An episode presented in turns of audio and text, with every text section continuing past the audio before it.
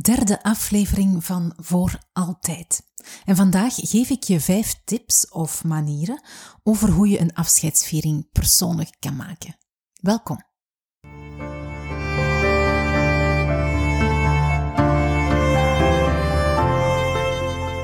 Voor Altijd. Een podcast over warm en persoonlijk afscheid. Ik ben Eva van Woorden van Eva, verhalenverteller bij afscheid. In deze podcast zoek ik mijn weg in een afscheidslandschap in beweging. Ik neem je mee in het spoor van boeiende mensen die jou kunnen helpen met afscheid nemen.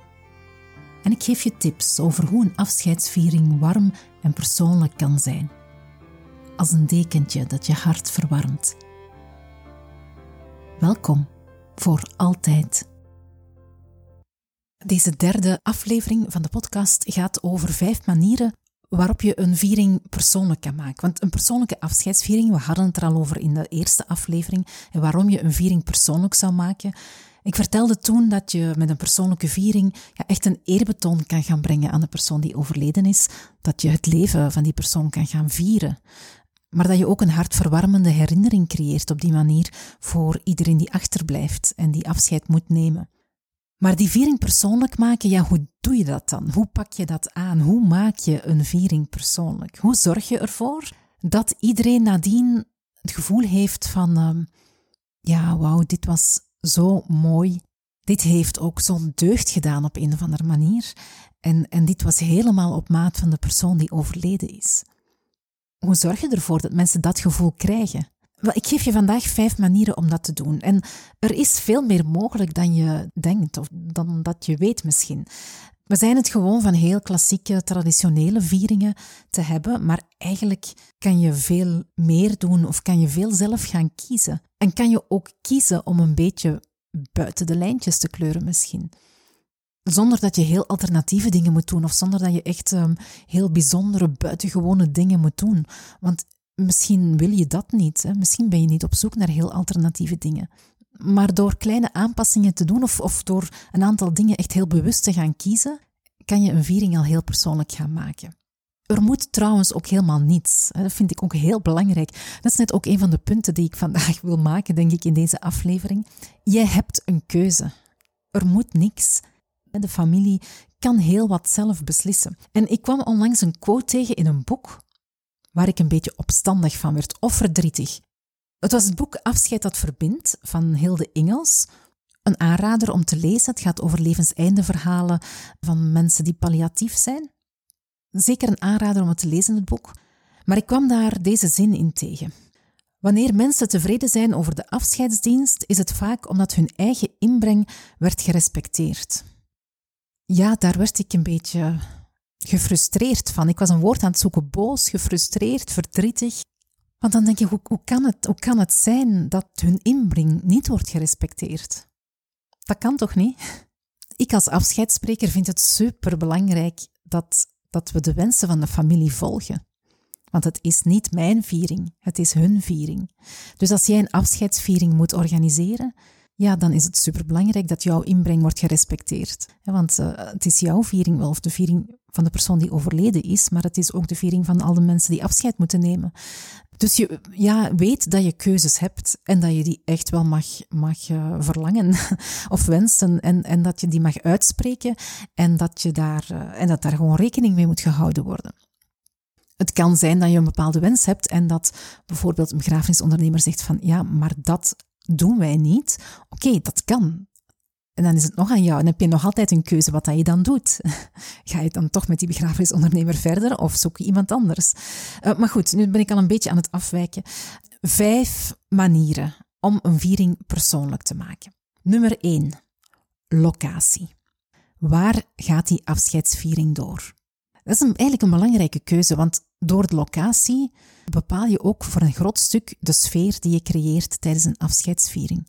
Doe je dat in een hele grote aula en op dit moment mogen er maar 15 mensen zijn bijvoorbeeld, ja, zit je met 15 mensen in een aula voor 500 personen, ja, dan lijkt dat wel heel leeg te zijn. Of zoek je een, een plek waar je echt in intiem gezelschap, in een intieme sfeer kan zitten en op die manier afscheid kan nemen. Maar opnieuw, het is jouw keuze. Ik zeg, er is geen, geen goed of, of fout. Ik zeg niet wat je moet doen. Maar weet dat je wel zelf kan beslissen waar een afscheidsviering doorgaat. Waar wil ik het laatste eerbetoon brengen? dat is een vraag die, dat is eigenlijk een belangrijke vraag. En, en wil je dat in een kerk doen? Ja, prima.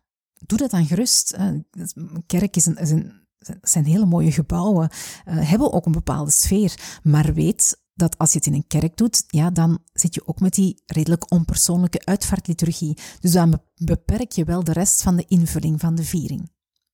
Wil je het in een aula, in een crematorium doen? Prima.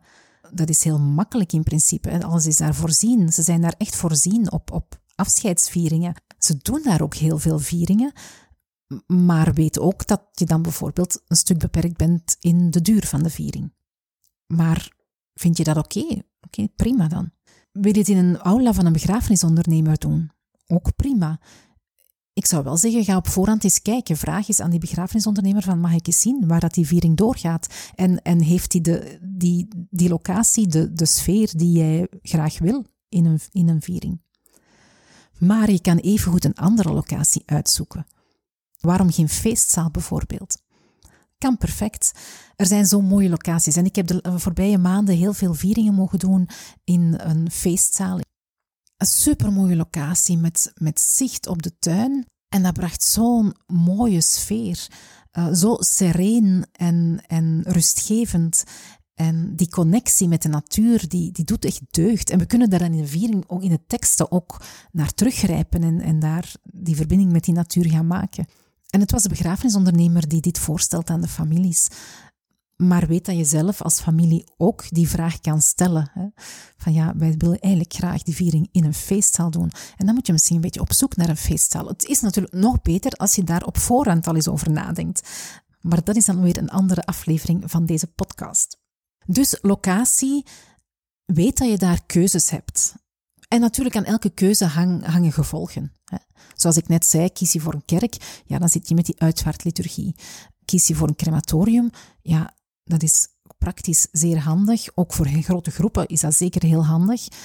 Maar weet dat je daar met een timing zit waar je rekening mee moet houden.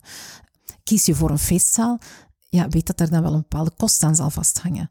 Dus dan moet je wel even bekijken van wat, wat heb ik er ook voor over, hè, voor, die, uh, voor die locatie. Ik had het net over natuur. Waarom geen viering in de tuin? En oké, nu is het daar nog niet echt het weer voor, maar in de zomer bijvoorbeeld. Waarom niet in de tuin, in een park, op het strand?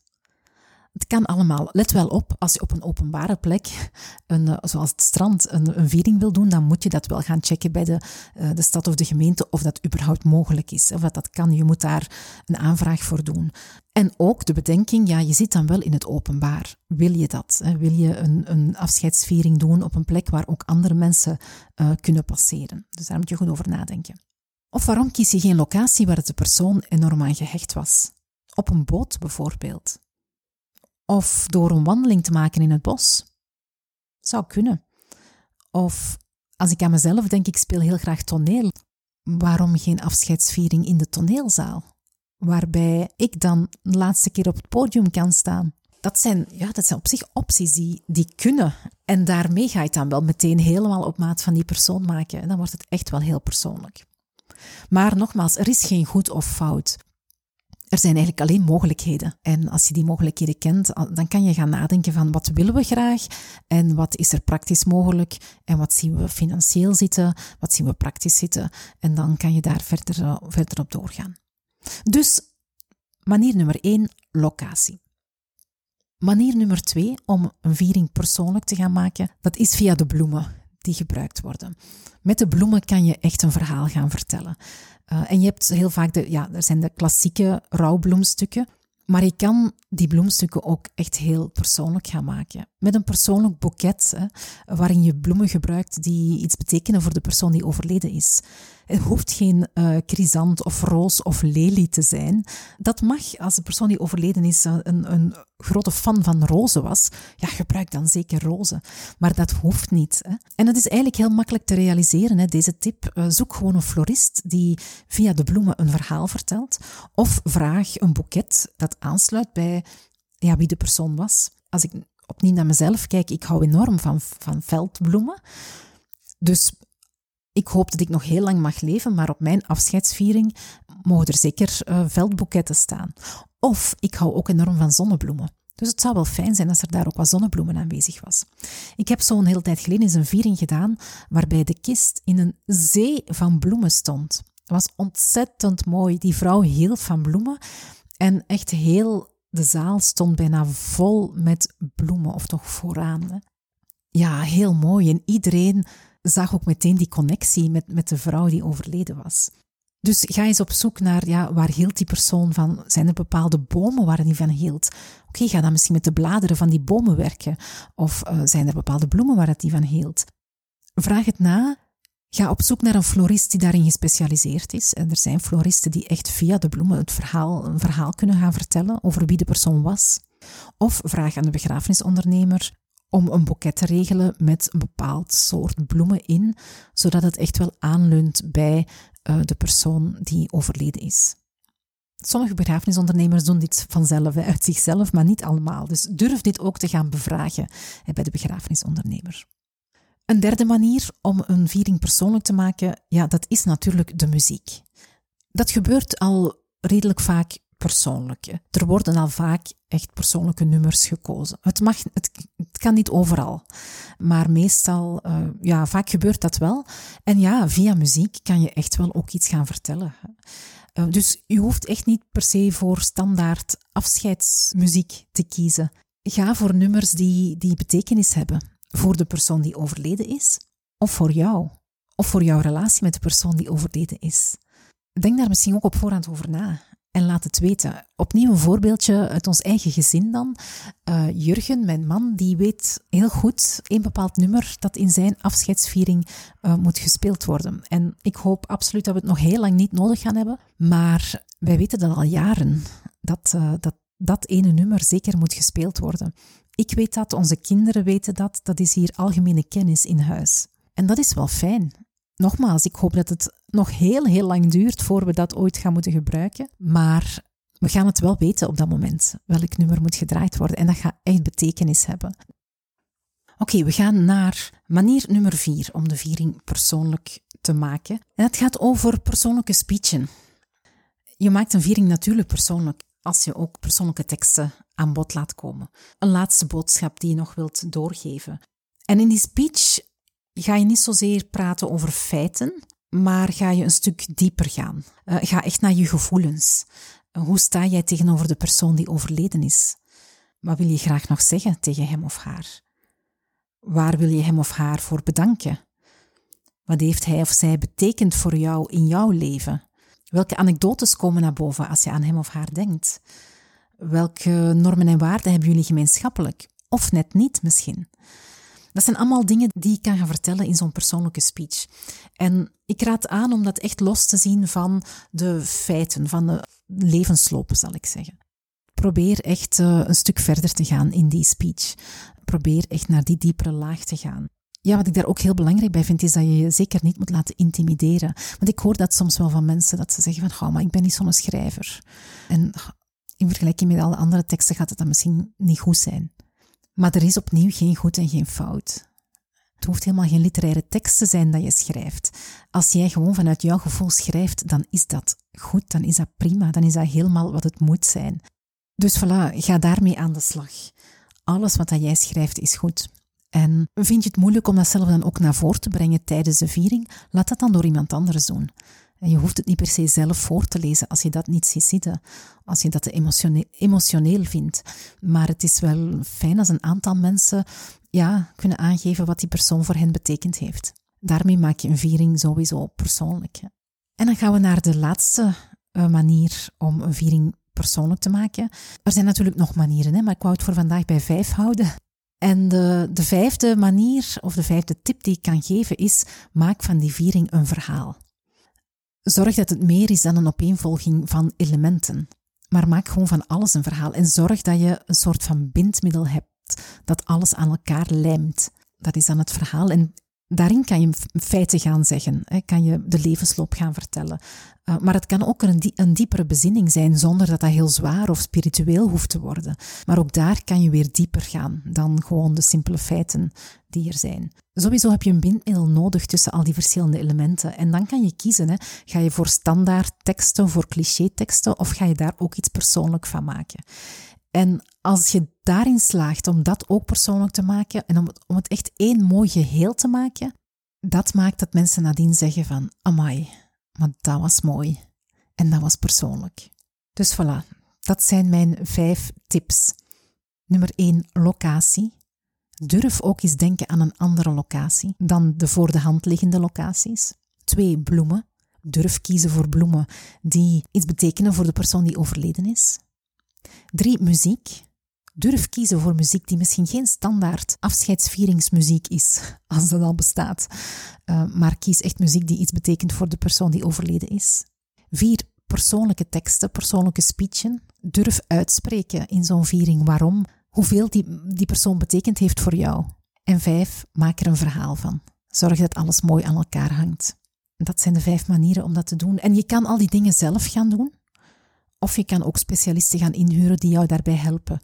En voor de locatie bijvoorbeeld, als je niet zelf de energie hebt om op zoek te gaan naar een locatie, ja, vraag het aan de begrafenisondernemer. Of, of huur een uitvaartplanner in die dat voor jou regelt.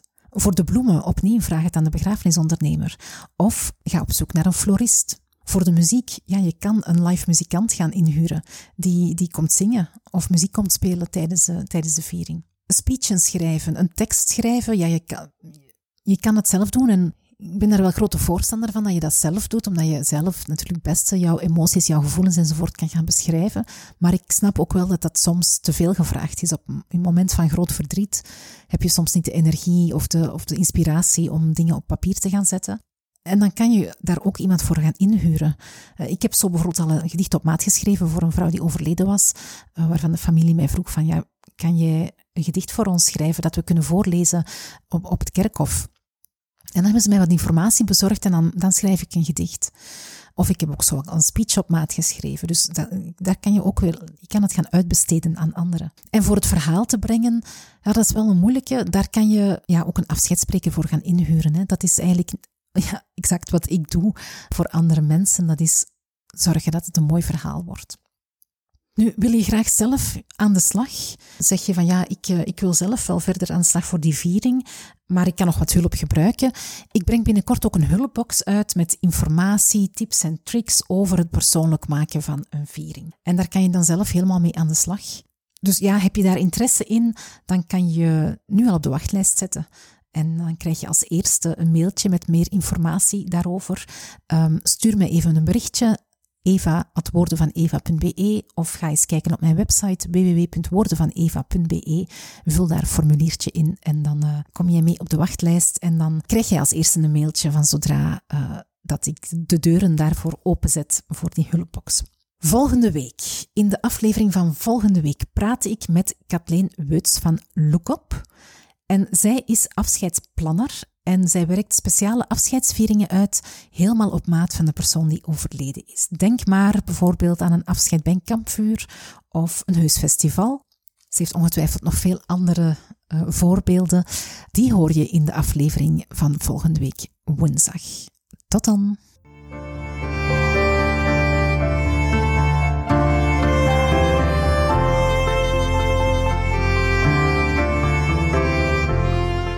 Fijn dat je luisterde naar deze aflevering uit de podcastserie Voor Altijd. Ben je fan? Abonneer je dan zodat je geen enkele aflevering mist. Vertel gerust ook over deze podcast aan iedereen waarvan je denkt dat hij of zij er iets aan kan hebben. Meer info over Voor Altijd en over mij vind je op www.woordenvaneva.be of volg me op Facebook of Instagram.